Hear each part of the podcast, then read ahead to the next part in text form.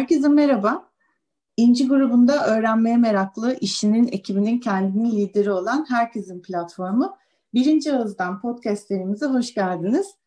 E, bugünkü konuğumuz Zeki Şafak Ozan. E, kendisiyle yeni yılın ilk kaydını yapıyoruz. Şafak Bey hoş geldiniz. Hoş bulduk sevgili Elif. Çok teşekkürler bu güzel davet için.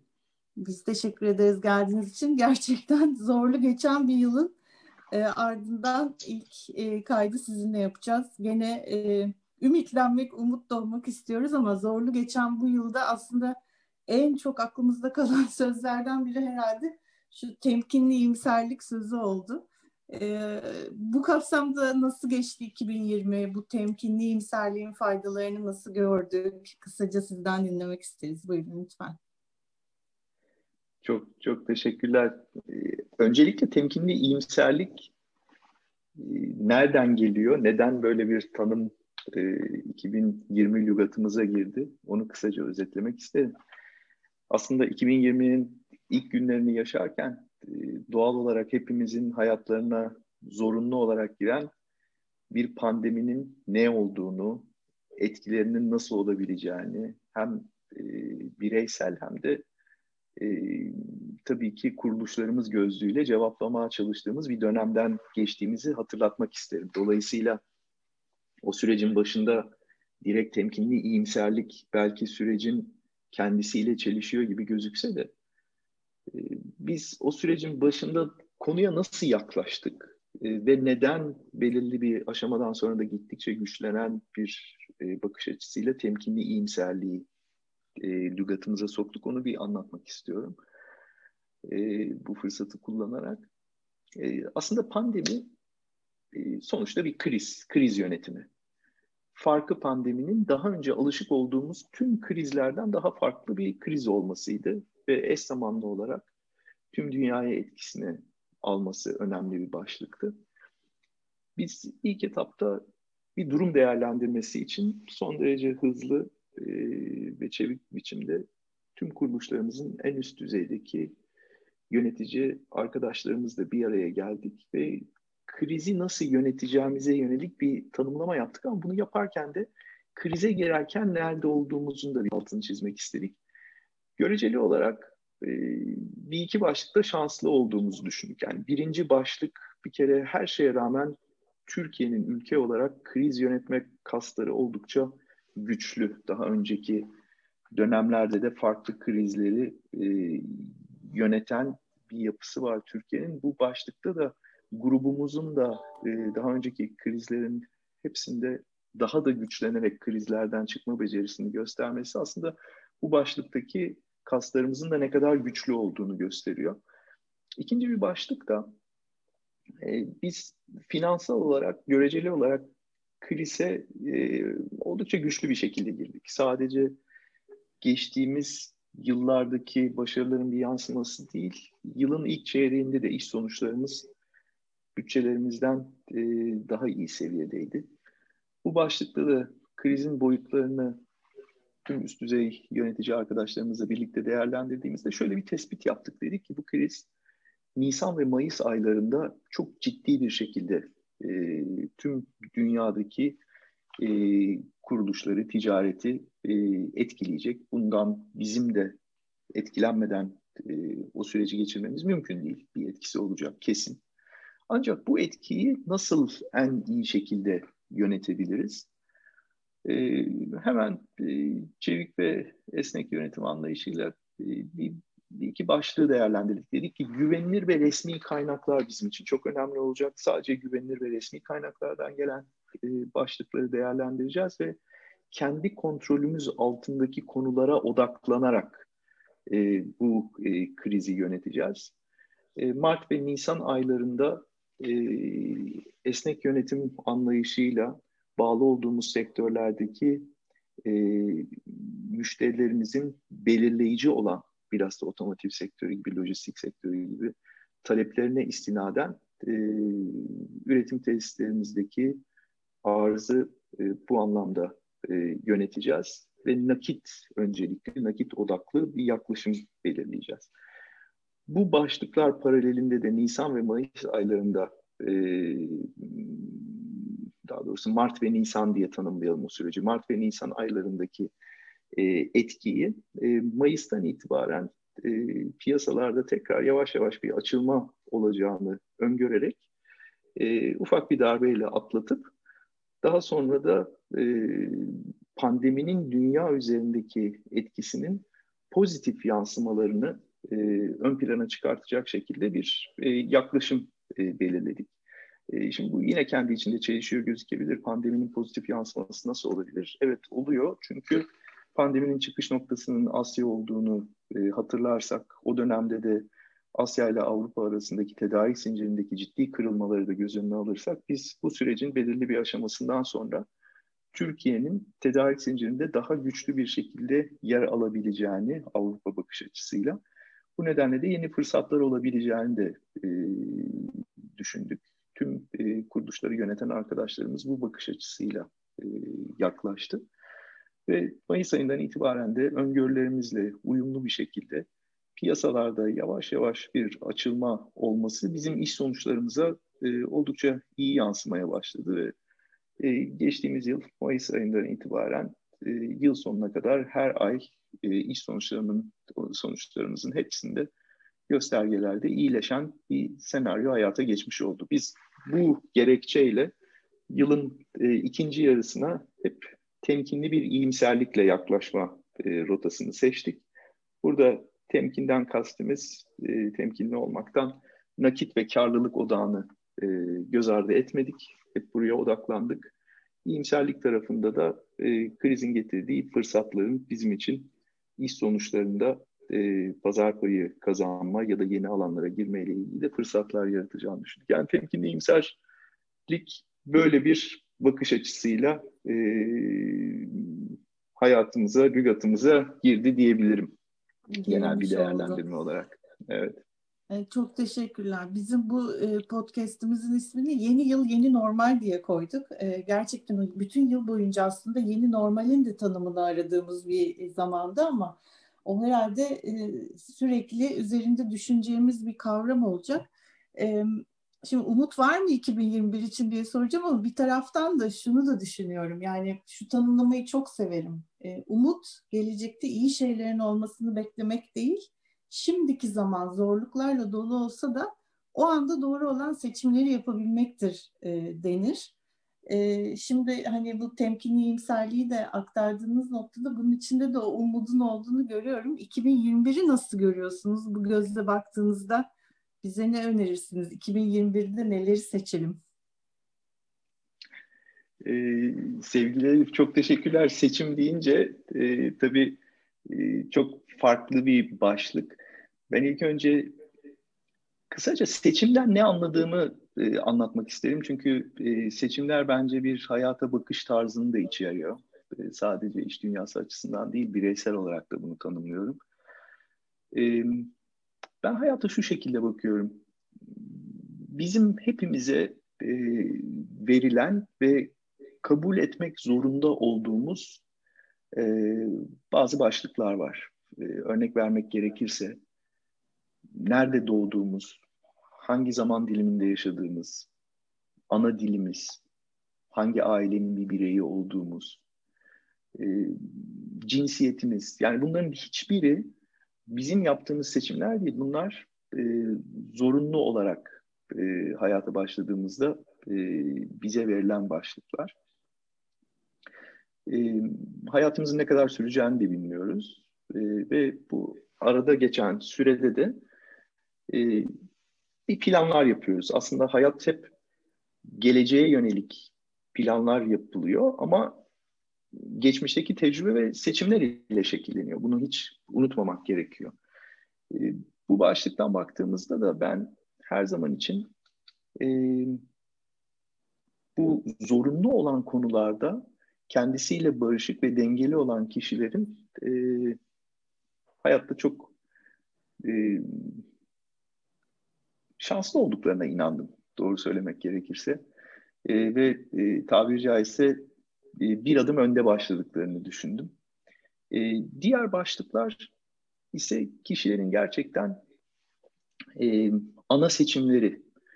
E, bu ana seçimler de böyle iki elin parmaklarını geçmiyor. Benim e, bireysel bakış açısıyla, kişisel bakış açısıyla değerlendirmem bu yönde. E, ben hep yılın son iki haftasını böyle kendimce bir muhakeme, bir değerlendirme yapmak için hayatımda kullandım. Kendimi bildiğim dönemlerden daha sonra.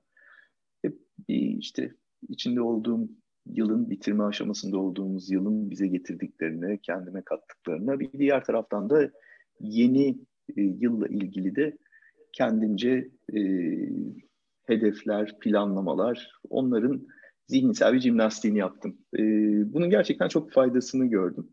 Bu bakış açısıyla 2020 yılını bitirdiğimiz günlerde de bu değerlendirmeyi yaptığımda e, hem bireysel hem de işlerimiz açısından e, kendimce bazı çıkarımlarım oldu.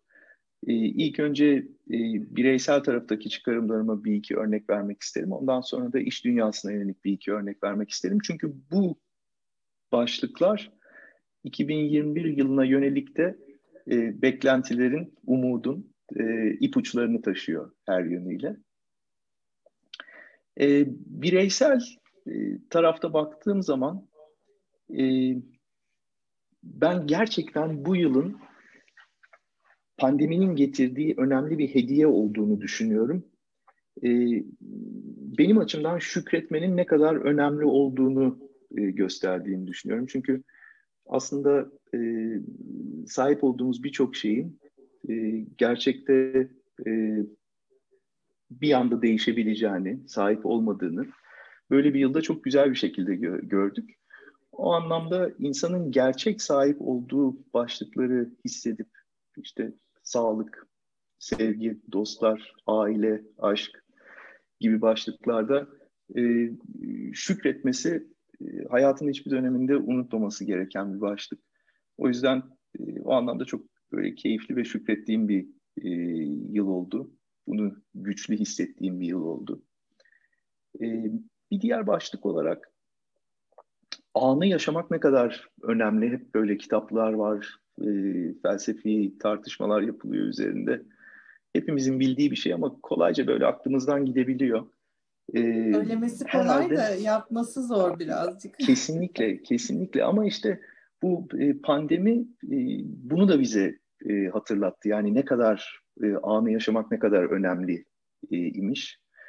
E, bilhassa sevdiklerinizle birlikteyken e, yaptığınız, e, hissettiğiniz işlere odaklanırken e, anı yaşamak müthiş bir şeymiş. E, bunu daha da güçlü bir şekilde hissettim. E, yine zaman yönetimi, hele dijital dünya e, işin bir parçası haline geldiği zaman e, dakikalar, saniyeler bile e, çok daha farklı bir önem e, arz ediyor. Tüm bunlar bireysel tarafta kendime e, kattığımı daha da e, bilinçlendiğimi düşündüğüm başlıklar. E, o yüzden e, 2021'e e, bakarken, e, ilk günlerini yaşarken bu taraftaki kazanımların e, gücü ve umuduyla daha iyimser olarak baktığım bir yıl olduğunu bireysel tarafta özellikle altını çizmek isterim. E, işlerimiz tarafında da e, yine bence müthiş şeyler öğrendiğimiz bir yılı geride bıraktık. E, tüm arkadaşlarımızın e, müthiş özverili çalışmaları, ailelerinin verdiği destekle bu kadar zorlu bir yılı e, başarılarla kapatmak, aldığımız ödüllerle taçlandırmak hakikaten çok keyif verdi. Yani geleceğe daha güvenli ve umutlu bakıyorsak, bakabiliyorsak e, tamamıyla bu ailemizin e, tüm çalışanlarımızı kastediyorum burada. E, bize verdiği e, güçle oluyor. Bu bağlamda ben e, 2021 yılının her yönüyle e, yine güvenilir kaynaklarında yaptıkları analizle hayatımıza giren e, pandeminin artık yavaş yavaş aşılar ile birlikte etkisini de yitireceğine yönelik e, beklentiyle e, 2020'nin 2020 yılına göre daha iyi bir yıl olacağını düşünüyorum. Bu bağlamda da bizim temkinli iyimser duruşumuzun e, güçlenerek devam edeceğine olan inancım tam. E, tabii ki yine krizin göreceli olarak ya da pandeminin etkilerini ilk birkaç ayda daha fazla göreceğimizi biliyoruz. E, aşılar e, bahardan itibaren yavaş yavaş etkilerini göstermeye başlayacak sayılarda. Bu dönemde biz yine nakit yönetimi gibi e, işte karlılık gibi başlıklara e, temkinli duruşumuzu devam ettireceğiz grup olarak ama ben 2021'in yatırımların e, güçlendiği bu bağlamda e, grubumuzun da e, hem ana faaliyet alanlarında e, yatırımlarla daha güçlü adımları e, attığı bir yıl olacağını inanıyorum. Hem de e, bizi yarınlara hazırlayacak olan teknolojik tarafta 2020 yılında atmaya başladığımız adımları da güçlendirerek devam ettiğimiz uluslararası yatırımlarla e, yılı e, taşlandırdığımız bir dönem olacağını düşünüyorum. O yüzden evet temkinli iyimserlik, evet güçlenerek devam eden bir temkinli iyimserlik diyebilirim. Harika. Ee, bu zorunlu olan yani bizim seçmediğimiz e, konularla ilgili barışık olmak, bunu dengeleyebilmek aslında e, şanslı olan e, budur. E, şanslı insanlar bunu dengeleyebilen, bu haliyle barışık olanlardır benim için dediniz. E, benim de sevdiğim gene bir söz var. E, hep aklıma onlar geliyor. Ya sevdiğini seç ya seçtiğini sev diye. E, bu anlamda e, gerçekten insanın e, önünü açan bir tutum oluyor bu. E, 2021'de gene yani içinde zorluklar olsa da fırsatlar da barındıran ve e, işlerin de ilerleyeceği bir yol olacak, bir yıl olacak bizim için ama şeyi de sormak istiyorum. Ya bu plan yapmak, işte e, kontrol edebileceğimiz konular olması bunlar doğru ama e, biraz da hayatta işte biz seçimler yaparken, planlar yaparken başımıza gelenler oluyor bir noktada. Yani bir planlar var, bir kontrol edemediğimiz gerçekler var. Siz hani bunca tecrübeyle işte hem hayatta hem işinizde hem ilişkilerinizde çok kültürlü yapılarda çalışmış bir insan olarak kendinizi değerlendirdiğinizde e, nasıl bir denge kuruyorsunuz? E, nasıl bir denge kurdunuz bugüne kadar? Her bir sürü şey olmuştur yani hayatta siz plan yaparken kontrol edemediğiniz konularla karşılaşmışsınızdır. E, nasıl denge kurarsınız bunlarla karşılaştığınızda? e, sorunun içerisinde bir iki alt başlık e, da güçlü vurgular var. Bir tarafta farklı kültürler, işte e, zorluklar, e, farklı dokunuşlarla hepsine cevap vermeye çalışayım. Öncelikle şunu söyleyeyim, ben e, gerçekten e, hayatın çok her yönüyle keyifli bir yolculuk e, olduğuna inanıyorum. Ve bu yolculuk içerisinde de e, siz ne kadar plan yaparsanız yapın, e, hayat öyle güzel sürprizlerle, e, öyle farklı olaylarla sizi şaşırtmaya devam ediyor ki e,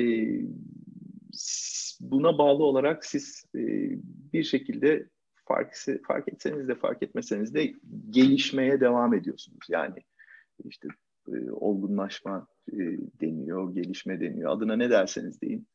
E, hayat e, bir şekilde sizi yoğuruyor. E, ben buna çok inanıyorum.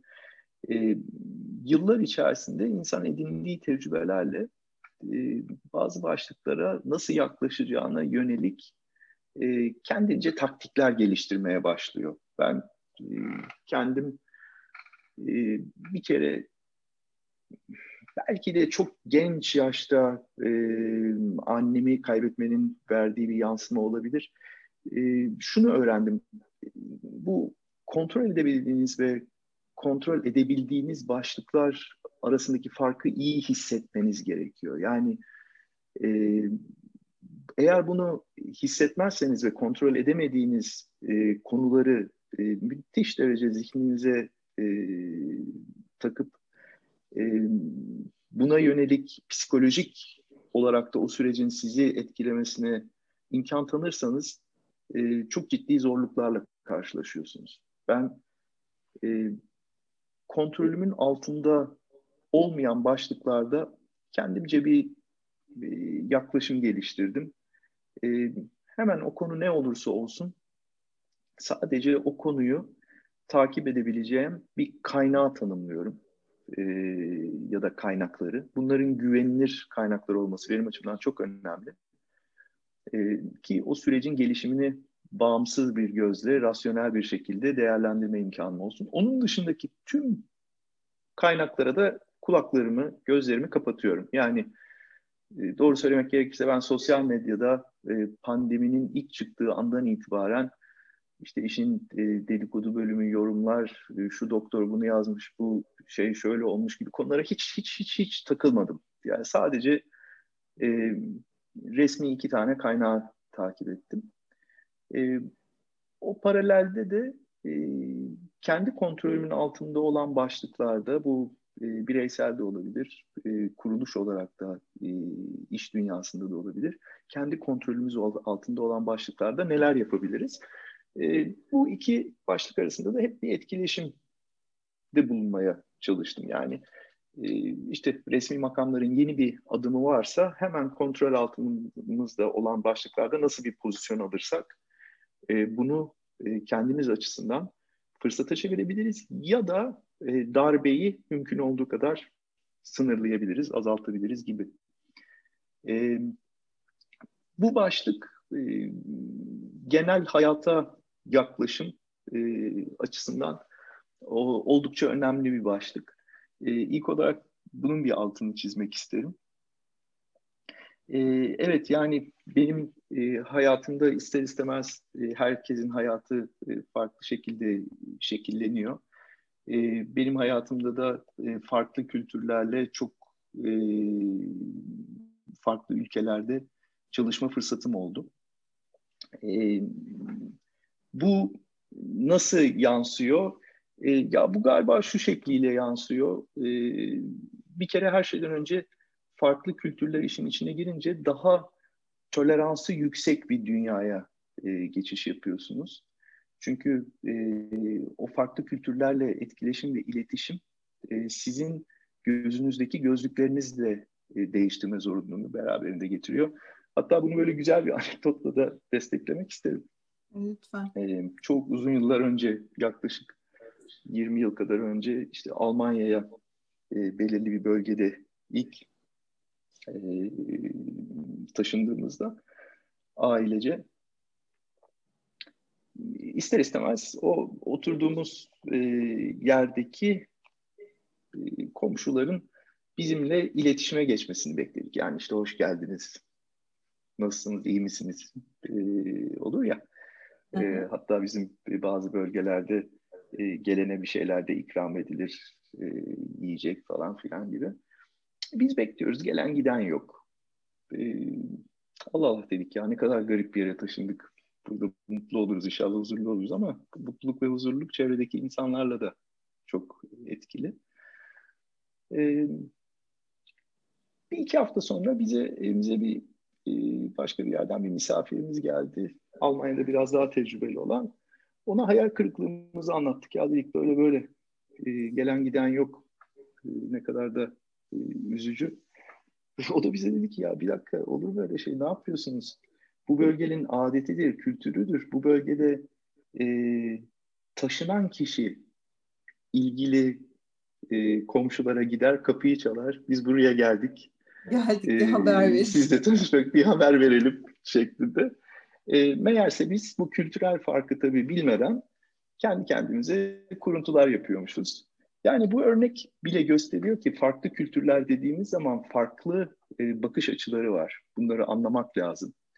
Dünyaya e, bakarken hep e, o farklı gözlükleri takarak bakma becerisini edinmek lazım. Ben bu bağlamda grubumuzu da çok şanslı bir konumda görüyorum. Çünkü e, çok uzun yıllardır global ortaklıklarla, farklı kültürlerle iş yapma e, yaklaşımı sadece ihracatla e, sınırlı olmayıp e, gerçekten e, yatırımları birlikte yapma, e, global ortaklıklarla e, işimizi yönetme bize ister istemez bu farklı kültürler tarafında da e, önemli bir ayrıcalık veriyor. bunlar aslında kriz dönemlerinde de bizi o krizi yönetme e, başlığında da farklı bir yere konumlandırıyor. Bu vesileyle bunun da altını güçlü bir şekilde çizmek isterim. O farklı kültürlerin e, bir yansıması. Çok teşekkürler. Gerçekten e, seçim yapmanın önemini vurguladık. Zaman ne zaman olursa olsun e, kendinle barışık olma, e, planları yapabilme ama e, plana engel olan bir şey varsa da ortada ona yönelik doğru bir kaynak belirleme. E, bu dönemin ikinci pandemisi de infodemi oldu. Hani onlara çok e, dalmadan, dağılmadan, e, odağını kaybetmeden e, bu dönemin genel liderlik becerisi olarak en çok üzerinde durulan konularından bir tanesi de odaklanabilme becerisi gerçekten. E, konuya olan odağı kaybetmeme. E, hele de bunu e, belki çok m, tanımadığın, bilmediğin kültürlerde yaparken e, farklı farklı anlamlar olabileceğini her yerde e, keşfedebilme becerisi. E, o anlamda gözün kulağın e, hep açık olması çok önemli.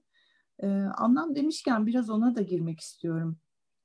Hani dedik ya işte e, herkese her şey farklı bir şey ifade ediyor olabilir. Yani her kültürde de bu değişiyor. E, dolayısıyla öyle bir ortak anlamı paylaşmak da aslında ortak anlamı yaratmak da iş dünyasında çok e, önem kazandı gene bu dönemde. Sizin önce işte bulduğunuz anlamı merak ediyorum. Nedir o? Sonra belki hayatta bulduğunuz anlamı da gerçi diğer soruların içinde de yanıtladınız ama belki tekrar bir değinmek isterseniz. E, işteki anlam sizce nedir? Çok teşekkürler. Öncelikle şunu söylemek isterim. Ben hayatımda çok ayrıma gitmiyorum. Yani e, işte iş hayatı, e, özel hayat, e, dostlarla olan hayat. Yani bunları böyle kırabiliriz ama ben sonuçta bir, bir hayat var. E, bütün, tek bir hayatımız var. E, bizim de tek bir hayatımız var. E, o başlık içerisinde de e, önemli olan gerçekten e, birincisi e, en son gün geldiğinde aa, harika bir hayattı diyebilmek. E, ikincisi de e, bırakabiliyorsak arkamızda bir iz bırakabilmek. Yani ben hayata açıkçası e, hep bu bakış açısıyla baktım, bu şekliyle değerlendirdim. E, bu anlamda iş dünyasına da yaklaşımım e, hep şu şekilde oldu. E, iş dünyasını bir araç ya da bir amaç gibi değerlendirmeden öte hayatıma anlam katan yerlerde, hayatıma anlam katan işlerde olmayı çok önemsedim. Dolayısıyla da e, iş dünyası açısından en önemli başlığım e, gerçekten e, ilgili grup ya da kuruluş hangisi olursa olsun e, nasıl bir anlamla o iş yapılıyor? E, ana amacı, temel amacı, e, bazıları vizyon diyor, bazıları başka tanımlamalar yapıyor ama önemli olan gerçekten neyin ve ne şekilde yapılmak istendiği. E, o taraftaki e, değerlerle benim tanımımla kendi değerleriniz örtüştüğü zaman ortaya müthiş bir e, kendi içinde sinerji çıkıyor. E, benim herhalde e, iş hayatındaki en büyük şansım e, bu değerlerin e, örtüştüğü dünyalarda çok keyifli zaman geçirme fırsatının olması. E, grubumuzun da e, büyük başarısının arkasında yatan en önemli başlıklardan birinin de gerçekten e, bu tanımlanan değerlerin e, ki bunlar kriz ortamlarında daha da ön plana çıkıyor. E, ne kadar önemli olduğu, o değerlerden taviz verilmeden işin yönetilmesinin. E, bu başlıklarla bir yolculuk olduğu zaman da e, bütününde çok daha keyifli bir e, dünya ortaya çıkıyor. E, ben bu anlamdaki e, anlamı iş dünyasında kendi açımdan hep e, değerler tarafında buldum. Yani e, çalıştığım dünyanın e, değerleri ve o değerlerle benim değerlerimin uyuşması. E, buna birçok örnek verebiliriz. E, kendi grubumuzda e, e, odak noktasında tutarak e, insana saygı e, örneğin sadece kelimelerle değil yaptığınız e, aktivitelerle de bu hayat bulduğunda çok daha anlam kazanıyor. E, böyle bir pandemi döneminde e, grubumuzun e, hiçbir taviz vermeden önce e, çalışanlarımızın, ailemizin bu bakış açısıyla sağlığı dememiz, güvenliği dememiz, bu anlamda işimizin sürdürülebilirliğini yine bunun sürekliliğini sağlamak için ön planda tutmamız e, bunlar işte olağanüstü durumlarda çok net bir şekilde ortaya çıkan yansımalar oluyor.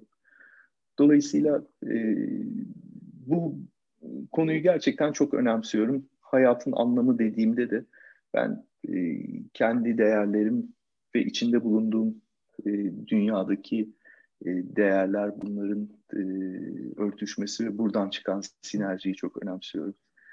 E, sevgili Elif bu arada önemli bir kelime daha kullandın. Odaklanma dedin. E, yaptığımız e, işle ilgili. Ben odaklanmayı e, bir bakış açısıyla daha farklı bir alana taşımak istiyorum.